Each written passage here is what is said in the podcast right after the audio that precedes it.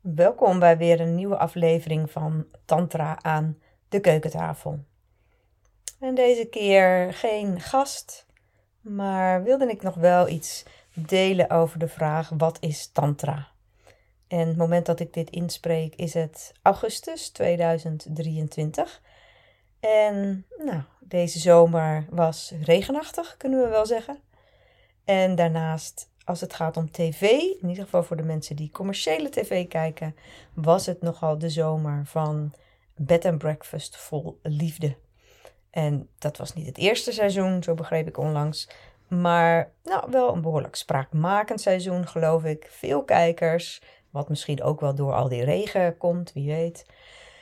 Ehm, en een seizoen waarin het woord spiritualiteit, in het programma zelf geloof ik ook uitgesproken als spiritualiteit nogal wat keren terugkwam. En ook het woord tantra. En niet alleen het woord, maar nou, een van de deelnemers doet aan tantra. En nou, je zou misschien kunnen zeggen, gaat op een tantrische manier om met de deelnemers die hem komen bezoeken.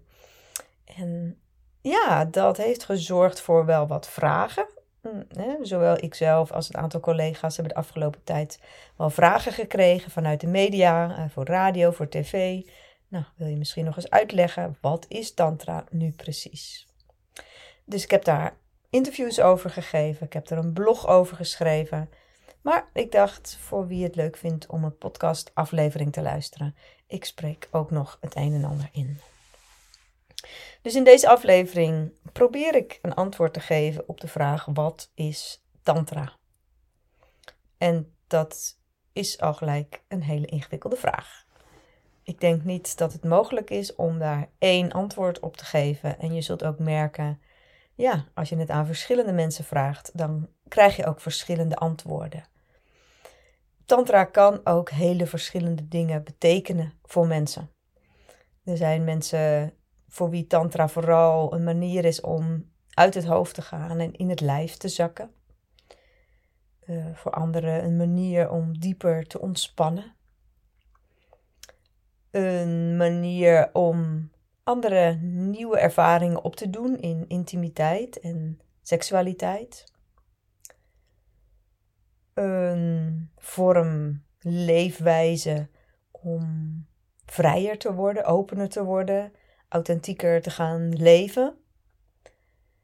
En er zijn mensen voor wie het ook echt een diepgaand, langdurig spiritueel pad is. En dan heb ik nog lang niet alles genoemd. Kenmerkend is wel dat je eigenlijk overal het lichaam tegenkomt. Dus ik zou wel durven te stellen dat als je aan tantra doet en je bent tegelijkertijd van mening dat het lichaam alleen maar iets is om volledig te overstijgen en het niet gaat om ook het eren van de ervaringen van het lichaam, dat dat soort van in tegenspraak met elkaar is. Dus dat dat wel heel erg lastig wordt. Maar het is ook weer tegelijkertijd veel meer dan alleen iets met het lichaam. Nou, voor mijzelf helpt het altijd om in ieder geval een indeling te maken tussen de westerse neotantra, zoals we die ook wel noemen, die zo'n 120 jaar geleden begon, en de oosterse klassieke tantra, die zo'n 1500 jaar geleden begon, voor zover we weten. En vanaf die tijd, zo'n 500 na Christus, zijn er geschriften gevonden en met name tussen 500 en 1200 na Christus, ja, dat was wel echt een tijd waarin die klassieke tantra floreerde. Nou, er is niet één vorm van klassieke tantra. Heel grofweg zou je ook weer kunnen zeggen: je hebt tantra die verbonden is met het boeddhisme en tantra die verbonden is met het hindoeïsme. Al is de term hindoeïsme niet helemaal correct, zal ik zo uitleggen. Maar daarbinnen zijn er ook weer allerlei stromingen en substromingen. Dus het is geen eenvoudig verhaal en het is ook zeker niet iets wat je zomaar even kunt leren. dus dat vergt echt wel veel studie. Nou, mijn eigen kennis zit vooral in die Hindoeïstische Tantra. Maar ik zei al dat die term niet helemaal klopt. Uh, de term Hindoeïsme is namelijk dat bestond in die tijd nog niet. Er waren allemaal kleinere religies die zich pas later, toen er een soort van gemeenschappelijke vijand kwam, in eerste instantie waren dat de moslims die in India binnenvielen, later kregen we ook nog de Britten. Uh, dus ja, pas later zijn ze zich eigenlijk gaan soort van nou ja, samenvoegen, in ieder geval in naam. Maar een belangrijke godsdienst die je in die tijd had, hè, dus zo in die eerste eeuwen uh, na Christus, was het Shaivisme. Dus de vereerders van Shiva, een van de goden in het Hindoeïsme. En nou, net als bij een aantal andere religies was het zo dat zo'n religie in die tijd een mystieke stroming kreeg. Dus een soort van nou, zijtak, zullen we maar zeggen, die het eventjes allemaal net wat anders deed dan de mainstream religie. Dus dat betekent dat er eigen geschriften waren. Een belangrijk kenmerk van de mystieke stromingen, waaronder dus de Shaiva Tantra of het Tantrisch Shaivisme, uh, is dat het heel erg gaat over de eigen weg naar binnen. Dus het is, gaat veel minder over nou, het vereren van een God buiten je, hè, die voor jou zorgt en die jou beschermt en ja, die misschien ook wel leefregels heeft doorgegeven naar de aarde waar je aan moet houden. Uh, ja, tantra en de andere mystieke stromingen zijn veel meer een, een spirituele weg naar binnen. En daar gaat het allemaal minder over de regels die er eventueel zijn, maar over de persoonlijke beleving dat God of het goddelijke eigenlijk in alles en iedereen zit en ook in jouzelf. En nou, bijna al die stromingen die zijn non-duaal, die gaan uit van het non-dualisme, dat alles in feite uiteindelijk één is op een dieper niveau. Dus mocht je die term alles gehoord hebben, non-dualisme, non-dualiteit, dat past ook heel erg bij deze stromingen. Nou, ander kenmerk van Tantra is dat de leraar heel belangrijk was. En ja, iedereen kon daar eigenlijk bij. Uh, dat was ook weer anders dan in bepaalde religies, waar je bijvoorbeeld tot een bepaalde kaste moest behoren. Um, in Tantra was iedereen welkom, ook vrouwen, ook kastelozen. Nou, dat alleen al in die tijd was behoorlijk um, tegendraads, kunnen we wel zeggen. Maar het was wel belangrijk dat je aan een leraar kon laten zien, kon laten merken dat jij werkelijk een diep verlangen op het gebied van spiritualiteit had. Verlangen naar die eenheid, het verlangen naar bevrijding, het verlangen van verder kijken, verder ervaren dan de persoonlijkheid, het ego, de ik-identificatie. Dus dat moest je wel laten zien aan de leraar en dan mocht je erbij. En dan kreeg je een initiatie van een leraar. En dan had je toegang tot de geschriften. want de geschriften, de tantrische geschriften, dat is niet iets wat heel duidelijk is, waar je zomaar mee uit de voeten kan. Je hebt daar echt een leraar voor nodig die Sanskriet begrijpt, maar die ook alles van Tantra weet, zodat die ja, soort van de geheime taal weet te, uit te leggen. Nou, dat is even heel kort over de klassieke tantra. Dan is er dus de westerse neo-tantra, die zo'n 120 jaar geleden in het westen ontstond. geïnspireerd op nou, wat zo ideeën, inzichten die deze kant op kwamen. Maar daar moeten we wel gelijk bij zeggen dat het met name de onderdelen die met seksualiteit te maken hadden, soort van hier opgepikt werden ja, was er dan zoveel rondom seksualiteit? Nee, helemaal niet. Want in die klassieke tantra, ja, er waren wel een aantal meditaties waarin spiritualiteit en seksualiteit samen konden komen. Maar die waren eigenlijk alleen maar bedoeld voor de vergevorderde mensen. Dus de tantrika's die al heel veel uh, andersoortige meditaties hadden gedaan. En ja, helemaal wisten hoe ze met hun levensenergie konden omgaan voordat ze dat ook in de seksuele daad mochten gebruiken. Maar goed, het is misschien niet verbazingwekkend dat in het Westen, waar ja, met het christendom de relatie tussen spiritualiteit en seksualiteit gewoon altijd wel lastig uh, heeft gelegen, ja, dat juist dat eruit werd gepikt. Dus de westerse neotantra, die is zich meer gaan richten op, nou ja, sacred sexuality zou je het kunnen noemen, intimiteit, contact met anderen. terwijl in de klassieke tantra eigenlijk heel veel meditaties gewoon alleen maar op jezelf zijn. Dus het is echt wel een andere vorm. Nou, in het Westen is die neotantra ook een soort van gaan samensmelten met allerlei New Age bewegingen, uh, ademwerk, emotioneel lichaamswerk, dans. Dus ook tantric dance ontstaan, dus dat de een geblinddoekt is. Uh, allerlei vormen van massage. Dus dat is ehm, ja, een, een breed palet geworden, zal ik maar zeggen. Waar nou, die eigenlijk niet gebaseerd zijn op geschriften. Waar nou, de meeste mensen ook niet één leraar volgen. En waar dus een behoorlijke vrijheid eigenlijk is in, ja, wat noem je wel en geen tantra. Terwijl in de klassieke tantra is het heel duidelijk. Wanneer noem je iets tantrisch? Als het in de tantrische geschriften voorkwam en door een tantrische leraar werd uitgelegd. En kenmerkend dus ook voor die westerse neotantra is dat daar veel in contact met anderen gebeurt. Terwijl die klassieke tantra dus veel individueler gericht was. Nou, misschien heel even terug naar het programma Bed and Breakfast voor Liefde. Nou, wat je daar ziet, zou je onder de neo-tantra kunnen scharen. Het kan natuurlijk dat er veel meer gebeurt, dingen die wij allemaal niet te zien krijgen. Als je kijkt naar het knuffelen, het dansen, het schudden, ehm, ja, dat is absoluut neotantra. En dat is ook sowieso wat je in het Westen het meeste vindt. Er zijn maar heel weinig aanbieders die bijvoorbeeld alleen maar vanuit, ja, alleen maar vanuit de klassieke tantra werken. En sommigen hebben een combinatie, zoals ik zelf. Ik vind het heel mooi om deze twee tradities eigenlijk met elkaar te verbinden. Nou, natuurlijk is het niet zo dat er alleen maar verschillen zijn tussen de neo-tantra en de klassieke tantra.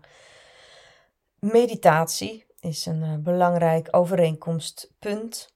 De klassieke tantra gebruikt allerlei vormen van meditatie en nou, die kom je ook zeker in de neo-tantra tegen. En zoals ik al zei, het gericht zijn op het lichaam. dus het, het eren van het lichaam, van de zintuigen en van het daarvan mogen genieten. dus de klassieke tantra heeft een aantal doelen die doelen ben ik overigens in de Neotantra nooit tegengekomen. Dus dat was ook de reden dat ik op een gegeven moment dacht in de Neotantra: waarom doen we dit eigenlijk allemaal? Is dit alleen maar om ons lekkerder te voelen? Wat op zich heerlijk is natuurlijk. En voor een heleboel mensen heel fijn. Als je heel lang heel streng bent geweest naar jezelf, dan kan het heerlijk zijn om te ontdekken van hé, hey, maar ik mag ook gewoon genieten van het leven. Maar tegelijkertijd voelde ik ook wel, ja, maar dat kan het nooit allemaal zijn. Er, moet meer zijn. En dat vond ik uiteindelijk wel in de klassieke tantra, waar het gaat over, ja, wat ook wel zelfrealisatie genoemd wordt. Het je realiseren dat je in feite niet de ik bent die je denkt te zijn. En dat ja, die ik-identificatie, dat die ook meer en meer losgelaten mag worden. En dat dat een vorm van ontwaken is. Hè? Wakker worden uit een soort droom. Hè? Je eigen film waar je in zit en waarvan je helemaal gelooft dat die film echt is. Terwijl het is maar een film waar jij een rol in speelt. En wat je ten diepste bent, dat is bewustzijn in een bepaalde vorm. En alles en iedereen is dat bewustzijn. Dus als je op die laag kunt verbinden met jezelf, dan ben je vanzelf verbonden met alles en iedereen om je heen. En zolang je je identificeert met ja, de persoonlijkheid die je hebt opgebouwd, het ego, dan kunnen er zeker momenten van genot zijn, maar zal er in feite ook altijd lijden met de lange ei zijn. Omdat niks blijft en je in het leven ook altijd lastige dingen tegenkomt. En de klassieke tantra, die erkent ook dat genieten. Want je mag helemaal genieten van al het aardse. En tegelijkertijd, als je alleen daarop gefocust bent, is het geen tantra. Dus tantra maakt het dat je ook dat proces van ontwaken en bevrijding, dat je dat helemaal aangaat. Dat steeds meer loskomen van die ik-identificatie. Waarna je overigens ook nog steeds gewoon al die rollen blijft spelen. Want ja, je bent hier ook op deze aarde. En ja, ik heb nu eenmaal ook de rol van Wendy, of van moeder, of van partner, of van tantra-begeleider. En dat houdt dan niet ineens allemaal op. Dat blijf je gewoon doen, maar met een glimlach van oké, dat is gewoon een van de rollen die ik speel, zonder dat daar nog allerlei overtuigingen aan vastgeplakt zitten. en ja, die staat van ontwaken en bevrijding, die kan ervoor zorgen dat je steeds makkelijker meegaat met de flow van het, met de flow, van het leven. En dat je steeds minder eigenlijk aan het vechten bent tegen de dingen die jou overkomen. En dat je ook steeds minder grijpt en uitreikt naar de dingen die je denkt nodig te hebben. dus het is heel erg een, een staat van zijn van acceptatie en van rust. En tegelijkertijd ook van stroming. Want je werkt ook heel erg met het lichaam, met de energie in het lichaam. Betekent dat je lichaam meer en meer open gaat. Dat je gevoeliger wordt, dat je meer gaat voelen in het lijf. En tegelijkertijd ook een rust. Nou, ik weet niet of ik dan nog antwoord moet geven op de vraag: waarom zou je aan Tantra doen? Want ik denk zo'n bevrijde staat van zijn is voor iedereen ontzettend prettig. Hè? Dat je je niet meer druk hoeft te maken over van alles en nog wat. Er is grotendeels is er acceptatie, is er openheid. Bewegen de dingen zoals ze bewegen, zonder strijd. Ja, een heerlijke staat van zijn.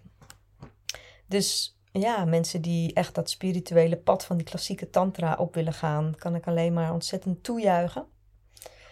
Het is wel een lang pad voor de meeste mensen. Er zijn maar weinig mensen waarbij het zo met één vingerknip gebeurt. En dat ze tot het inzicht komen, dat ontwaken, die zelfrealisatie. En dat dan alle triggers ineens weg zijn. Want ja, feit is gewoon dat we in de loop van ons leven pijnstukken tegenkomen. En ja, als we dus niet al vanaf begin af aan zo in het leven staan, volgens die tantra, ja, dan kropt zich dat op en ontstaan er allerlei blokkades, waardoor je juist wel in gedoe en conflict terechtkomt en niet in die staat van bevrijding. Dus dat is wel waar de meeste mensen mee te dealen hebben. En voor sommige mensen is tantra alleen dan genoeg. Uh, en andere mensen hebben dat toch ook wel te combineren met therapie. Waarbij ik dan wel de lichaamsgerichte therapie aanraad, omdat toch wel steeds duidelijker wordt dat trauma zich vastzet in het lichaam en dat je met alleen praten uh, waarschijnlijk de trauma's niet of hele, niet helemaal kunt oplossen. Nou, als dat hele spirituele pad, die zoektocht, ja, niet bij iemand aansluit, dan ja, blijft er in de neotantra toch ook nog wel een hele hoop over massages om dieper te leren ontspannen, om dieper te leren genieten van je lichaam. Ehm, allerlei mooie contactoefeningen waarbij je nieuwe ervaringen kunt opdoen in intimiteit en wie weet ook in seksualiteit. Ehm, meer inzicht in jezelf, um, boeiende ervaringen ook met andere tantrika's opdoen, uh, danservaringen, vrijer worden in je lichaam nou, emoties misschien verwerken. Dus dat uh, zijn ontzettend veel mogelijkheden. En als je ja, een verlangen hebt om nieuwe ervaringen op het gebied van seksualiteit op te doen, dat is zeker een van de redenen waardoor mensen bij Tantra terechtkomen. Dan zeg ik wel het liefst dat dat uh, goed mogelijk is om nieuwe ervaringen op te doen maar wel waarschijnlijk wel op een indirecte manier. Dus er zijn maar heel weinig plekken in Nederland waar je, als je aan Tantra doet, ook echt direct iets met seks doet of aan seks doet. Dat komt nauwelijks of niet voor. Maar tegelijkertijd is het zo dat al die andere dingen allemaal van invloed zijn op je beleving van seksualiteit. dus vrijer in je lichaam worden, eh, dieper durven gaan ademen, geluid durven maken, uh, makkelijker kunnen bewegen, uh, meer inzicht te krijgen over hoe de seksualiteit zich ontwikkeld heeft in jouw leven. Um, massages of drukpuntmassages, die ook wel de-armoring genoemd wordt. Zijn eigenlijk allemaal manieren om vrijer te worden in je lichaam, energie meer te laten stromen, zodat seksualiteit ook echt een ruimere beleving wordt dan iets wat alleen maar in je geslachtsdeel bijvoorbeeld ervaren wordt. Nou, is Tantra voor iedereen? Dat geloof ik niet. Sowieso moet je natuurlijk zelf een nieuwsgierigheid en een verlangen voelen om hiermee te beginnen. Maar als je heel veel trauma in je systeem hebt zitten en bijvoorbeeld echt nare ervaringen hebt, een grensoverschrijdend gedrag hebt meegemaakt of misbruik, dan is het wel echt een zaak om heel goed te voelen van is dit werkelijk het moment? En wil ik dat ook in een groep doen? Een groep kan extra spannend zijn. Dus misschien ja, dat je daar even goed over na moet denken, goed moet invoelen van is dit ja, te veel out of my comfort zone. dus de dingen die ik genoemd heb, als je daar al helemaal de kriebels van krijgt en dat ontzettend spannend lijkt, dan uh, is het misschien nog niet jouw moment en misschien komt het ook nooit. Het is, geen enkel pad is voor iedereen. En je kunt dus de keuze maken of je iets in een groep doet. En dat kan dan meer massagegericht zijn, het kan meer meditatie en breder zijn. Maar er zijn dus ook individuele sessies. En je kunt massages ontvangen. En bij die massages kun je over het algemeen gewoon net wat vrijer zijn dan ik bijvoorbeeld zelf ken van een massage in de sauna. Waar ja, je over het algemeen nou niet echt diep gaat ademen of geluid maken. Of ja, nou ja, misschien dat iemand wel eens moet huilen, maar ik vermoed dat dat niet zo heel veel voorkomt. En bij een tantra-masseur of masseuse mag je echt wel verwachten dat je gewoon helemaal lekker ja, in vrijheid kunt laten stromen wat er wil stromen. Er zijn ook mensen die wat bredere individuele sessies aanbieden. Dus bijvoorbeeld geen massage, maar dat je met een specifieke vraag kunt komen. Dat ze allerlei lichaamsgerichte oefeningen doen. En dan is tantra dus vaak gecombineerd ja, met bijvoorbeeld therapie of andere werkvormen. Nou, het zal je niet verbazen dat voor mij tantra natuurlijk gewoon een prachtig pad is van vrijer worden, van meer genieten van het leven, maar ook de diepgang van het leven. Ja, meer en meer gaan, gaan ontdekken, gaan voelen. Ehm, ja, voor mij ook vanuit de klassieke tantra gaat het niet alleen maar over leven, maar gaat het ook over de dood. Omdat je in tantra, ja, vanuit die klassieke tantra, we omarmen het lichaam en we mogen genieten van het lichaam. En tegelijkertijd mogen we ons ook iedere dag realiseren dat alles vergankelijk is. Alles is sterfelijk. Alles gaat voorbij. En dus ook dit lichaam.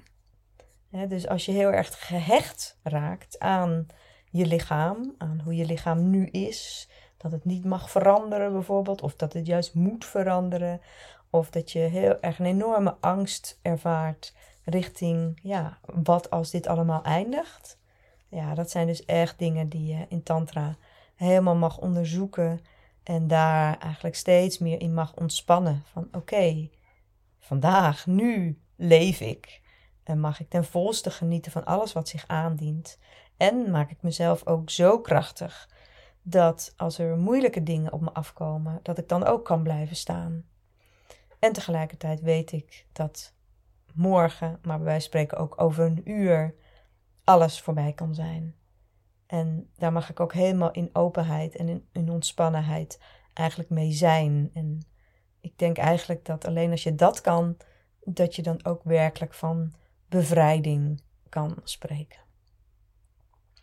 Nou, mocht je nieuwsgierig zijn geworden, je kan op allerlei plekken terecht. Bij Bliss Your Body, je kunt op de website kijken of er iets bij zit wat jou aanspreekt. Uh, gemiddeld genomen een wat vrij jonge doelgroep, die ik altijd heb gehad bij Bliss. Maar je kunt kijken of er wat voor jou bij zit. En um, ja, zowel nou, als je met een partner wil komen, je wil heel veel met die partner samen doen. Er zijn een paar activiteiten die echt voor stellen zijn. En het overgrote deel van de activiteiten is juist voor mensen die zonder stel uh, of uh, zonder partner komen. Dus, nou, wie weet, uh, zie ik je of ziet een van mijn collega's je binnenkort. Want ik ben dus zo lang niet meer de enige die trainingen geeft. Dus het kan ook heel goed dat je bij iemand anders terechtkomt. Maar overal, ja, bij Bliss is er wel een hele dynamische, praktische, down-to-earth benadering die alle begeleiders hebben. Dus wie weet, tot binnenkort.